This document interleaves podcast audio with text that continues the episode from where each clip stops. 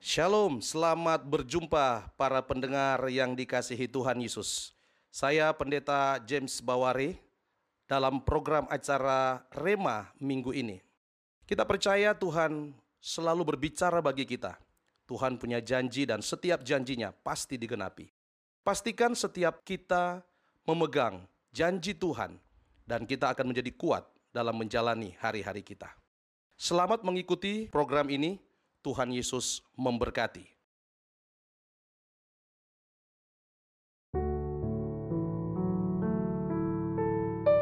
Shalom saudara-saudari yang dikasihi Tuhan.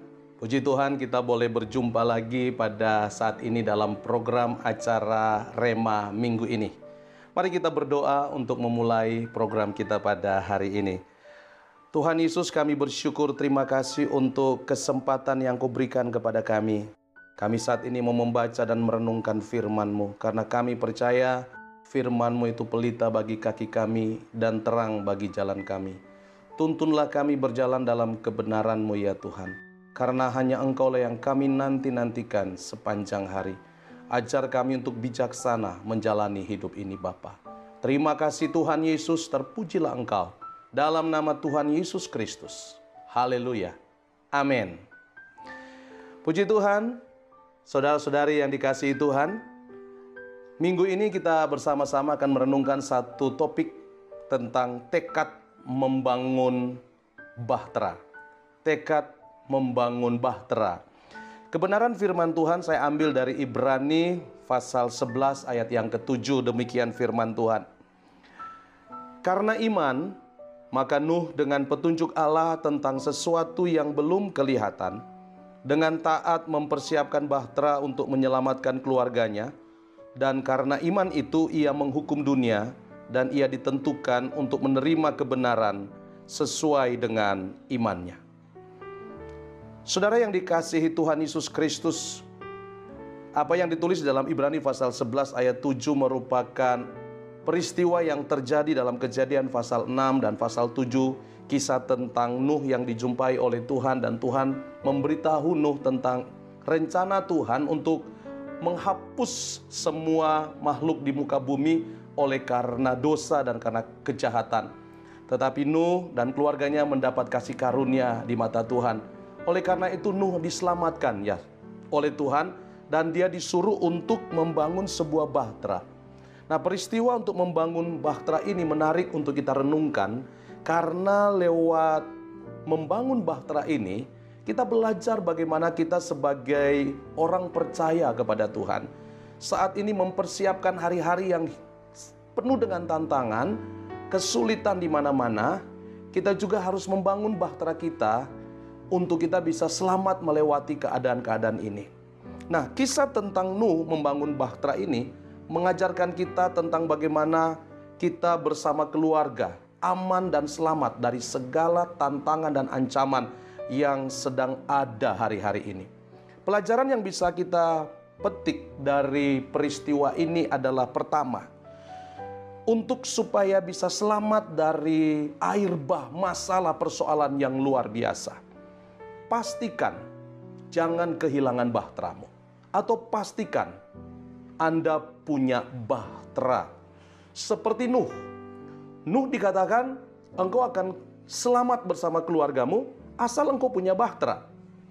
Tuhan tidak mengangkat Nuh di tangannya Tuhan seperti ini, meletakkannya dan membiarkan air di bawahnya dan Nuh menyaksikan air itu.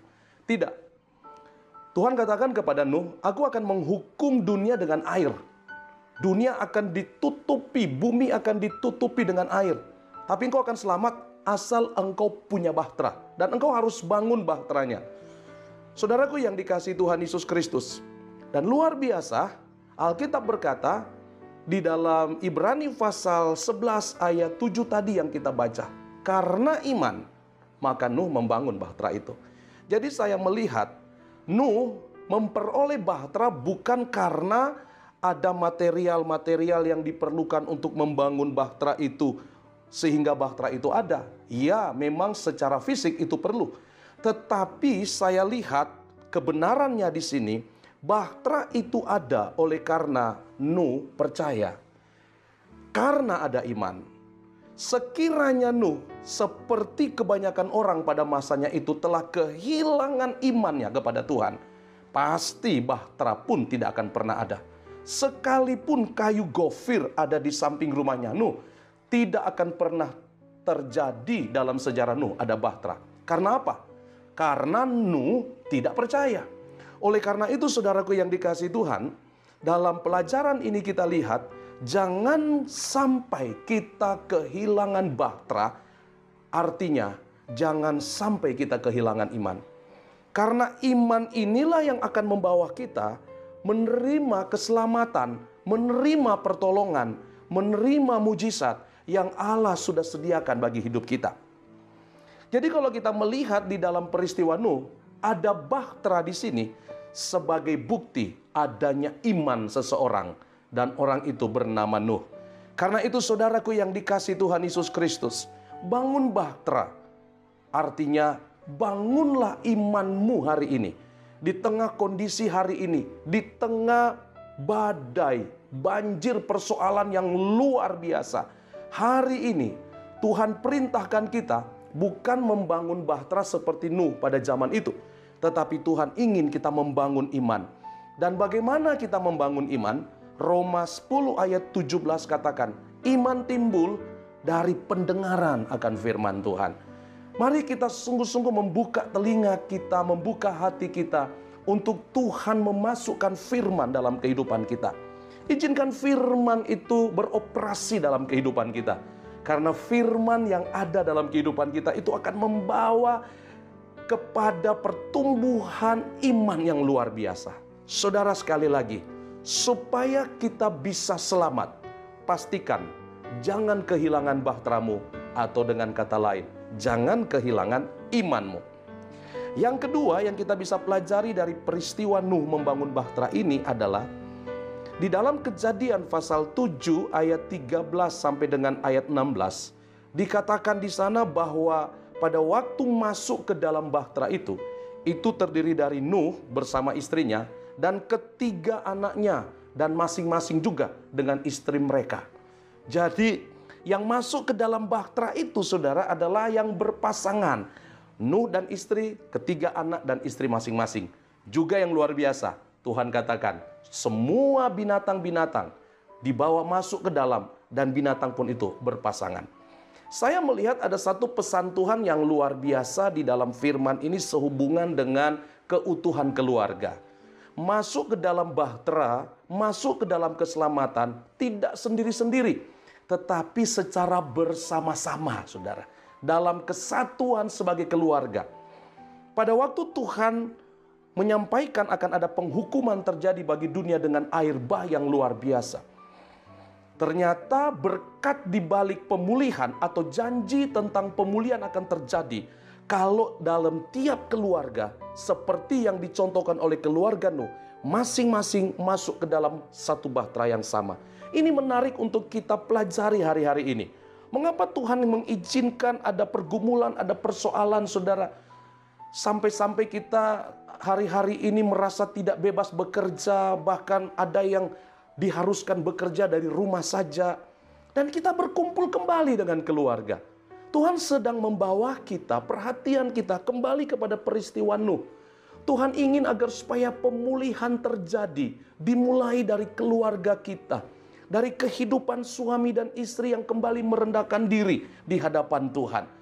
Membangun kembali hubungan dengan Tuhan bukan secara pribadi-pribadi, bukan sekedar sendiri-sendiri tiap pribadi, baik itu suami atau istrinya saja tetapi Tuhan mau berpasangan, suami dan istri membangun hubungan dengan Tuhan, mencari wajah Tuhan, membangun mesbah Tuhan. Dan tentunya di sini saudara, kita diajar oleh firman ini bagaimana kita akhirnya masuk berpasangan ke dalam batra seperti zaman Nuh. Ya kita nggak tahu Alkitab tidak mencatat dinamika kehidupan di dalam bahtera itu. Tetapi sekian hari mereka di dalam bahtera itu tentunya saudara mereka melihat satu dengan yang lain, orangnya itu saja. Tapi mereka belajar untuk menerima, untuk rendah hati, belajar untuk menjadi satu. Bahteranya cuma satu, maka mereka harus mengatur kehidupan mereka di dalam bahtera itu. Saudaraku yang dikasih Tuhan Yesus Kristus, hari-hari ini dunia sedang sulit. Jangan lagi membawa kesulitan masuk dalam rumah tanggamu, dalam keluargamu, dalam kehidupanmu. Engkau sebagai suami, engkau sebagai istri atau sebagai anak, mari kita sama-sama sepakat masuk di dalam bahtera bersama-sama karena pemulihan akan terjadi mulai dari situ. Di luar sana mungkin ada ancaman, ada marah bahaya, bahkan ada kematian luar biasa. Saudaraku yang dikasih dalam Tuhan, pastikan kita secara pribadi dan keluarga kita masuk di dalam hubungan dengan Tuhan, masuk di dalam hubungan pasangan yang kudus, masuk dalam hubungan pasangan yang menurut Filipi 2 ayat 2 yang sehati sepikir, hidup dalam satu kasih, satu jiwa dan satu tujuan. Inilah saat-saatnya Tuhan membawa kita kembali untuk hidup di dalam kesatuan sebagai keluarga, karena dari situ akan ada pemulihan. Bapak, ibu, saudara yang dikasihi Tuhan Yesus, air bah yang datang menimpah dunia tidak membinasakan keluarganya Nuh. Masalah yang datang di sekitar kita tidak akan mengganggu dan tidak akan mencelakakan keluarga kita saat kita bersama keluarga diam dalam hadirat Tuhan. Yang terakhir dari pelajaran ini saya lihat, seperti Nuh, pekerjaan membangun bahtera bukan bergantung pada keahlian, tapi pada ketaatan akan perintah dan ketetapan Tuhan. Kita semua tahu Nuh tidak punya latar belakang sebagai pembuat atau pembangun kapal. Tapi Tuhan menyuruh dia membangun sebuah kapal. Ini pengalaman pertama bagi Nuh. Sekian tahun Nuh berusaha untuk membangunnya. Dan puji Tuhan, cerita atau kisah dalam Alkitab mencatat Nuh bisa membangunnya. Pasti dengan susah payah yang luar biasa. Tetapi saudaraku yang dikasih Tuhan, sekalipun Nuh dalam ukuran seorang ahli pembuat kapal, dia seorang yang sangat amatir. Tapi yang luar biasa, kapalnya Nuh pada waktu diangkat oleh air tidak tenggelam, tidak oleng. Bahkan kalau saya membayangkan pada masa itu, air yang begitu deras arusnya bisa membawa kapal itu ke mana-mana, bisa bersenggolan dengan batu atau mungkin dengan gunung batu, dengan material yang keras. Tapi kapal itu nggak bocor. Saudaraku yang dikasih Tuhan Yesus, kita ingat ada satu peristiwa di tahun 1912, ada sebuah kapal bernama kapal Titanic dalam pelayaran perdananya menabrak sebongkah es dan dia tenggelam. Padahal kapal itu dibangun seteliti mungkin oleh para ahli perkapalan pada masa itu. Tetapi ternyata tidak bisa bertahan pada waktu berbenturan dengan es. Saudaraku yang dikasihi Tuhan, kapalnya Nuh dibangun sedemikian rupa oleh seorang yang amatir. Tetapi bisa kuat bertahan dan bahkan sampai kandas di Ararat. Kapal itu sama sekali tidak rusak dan tidak bocor. Mengapa? Karena kapal itu adalah kapal yang dibangun bukan karena keahlian, tapi karena ketaatan. Saya mau katakan, saudara, kita semua harus berkata, kita bukan orang yang ahli menghadapi hidup ini. Tidak ada seorang pun hari-hari ini bisa mengaku dia hebat menghadapi keadaan dunia. Sehebat apa pun, seahli apa pun seseorang, menghadapi persoalan di dunia ini dia akan mendapati hidupnya ternyata sangat amatir dibandingkan dengan persoalan dunia. Oleh karena itu saudaraku yang dikasih Tuhan, jadilah seperti Nuh, seorang amatir tetapi mau taat kepada Tuhan. Pada waktu kita mau taat kepada Tuhan, selebihnya itu kuasa Tuhan yang bekerja dalam kehidupan kita. Itu selebihnya mujizat Tuhan yang akan terjadi dalam kehidupan kita. Saya seorang suami, ayah bagi anak-anak. Tapi saya tidak berkata dan tidak bisa berkata saya ahli mengatur rumah tangga. Tidak, saya juga seorang amatir. Oleh karena itu saya harus bergantung kepada Tuhan. Seorang amatir yang taat dan bergantung kepada Tuhan akan diberkati oleh Tuhan. Akan dipakai Tuhan secara luar biasa. Karena itu ada satu bagian firman yang Paulus katakan dalam kitab Korintus, 1 Korintus, apa yang bodoh menurut dunia apa yang biasa, apa yang kecil menurut dunia. Dipilih Allah dan dipakai Allah untuk mempermalukan apa yang dibanggakan oleh dunia. Hari ini saudaraku, biarlah kita semua hidup dalam kerendahan hati. Mencari wajah Tuhan. Bergantung kepada Tuhan. Kita bukan orang yang cukup hebat untuk bisa menghadapi hidup ini. Rendahkan dirimu. Datang kepada Tuhan dengan segenap hati. Akuilah Tuhan dengan segenap hatimu. Karena saudaraku yang dikasih dalam Tuhan, saya ingat ada satu firman Amsal pasal 3 ayat 5 katakan begini. Percayalah kepada Tuhan dengan segenap hatimu dan janganlah bersandar pada pengertianmu sendiri. Wow, ini firman Tuhan luar biasa untuk kita semua. Saya percaya kita semua butuh Tuhan dalam hidup ini. Kitalah orang-orang amatiran dalam menghadapi kondisi dunia yang sangat kompleks ini. Tapi percayalah, kalau Tuhan ada di pihak kita, maka kita akan menjadi pemenang. Kita akan melewati setiap badai, air bah persoalan hidup ini dengan kemenangan yang gilang gemilang. Karena itu saudaraku yang dikasih Tuhan Yesus Kristus, mengakhiri rema pada saat ini. Saya mau ingatkan kita semua, firman Tuhan hari ini mengingatkan kita bahwa kepada setiap orang yang mau menaruh percaya dan berharap kepadanya, Tuhan selalu punya cara dan waktu yang tepat untuk menolongnya, menyelamatkannya, serta menyediakan jalan keluar di saat badai sedang menghadang perjalanan hidupnya. Jangan takut, saudara. Persiapkan bahteramu. Jangan kehilangan bahteramu. Pastikan engkau punya bahtera, punya iman, dan sikap taat kepada Tuhan. Tuhan memberkati kita semua. Tuhan memberkati keluargamu. Haleluya. Amin. Kita berdoa. Terima kasih Tuhan untuk firman-Mu hari ini. Kami simpan firman-Mu dalam hati kami, supaya kami jangan berdosa di hadapan-Mu. Pimpin kami Tuhan, menjalani hari-hari hidup ini, keluar sebagai pemenang.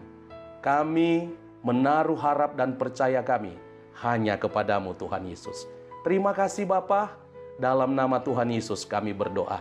Haleluya. Amin. Puji Tuhan, Tuhan Yesus memberkati kita semua.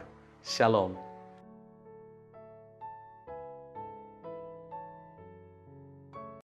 Demikianlah rema pada hari ini. Kiranya rema hari ini memberkati kita semua. Bapak Ibu, para pendengar juga dapat mengikuti setiap khotbah-khotbah kami yang ada di YouTube dan di Instagram dalam channel James Baware. Tuhan Yesus pasti memberkati kita semua. Tuhan Yesus luar biasa. Haleluya.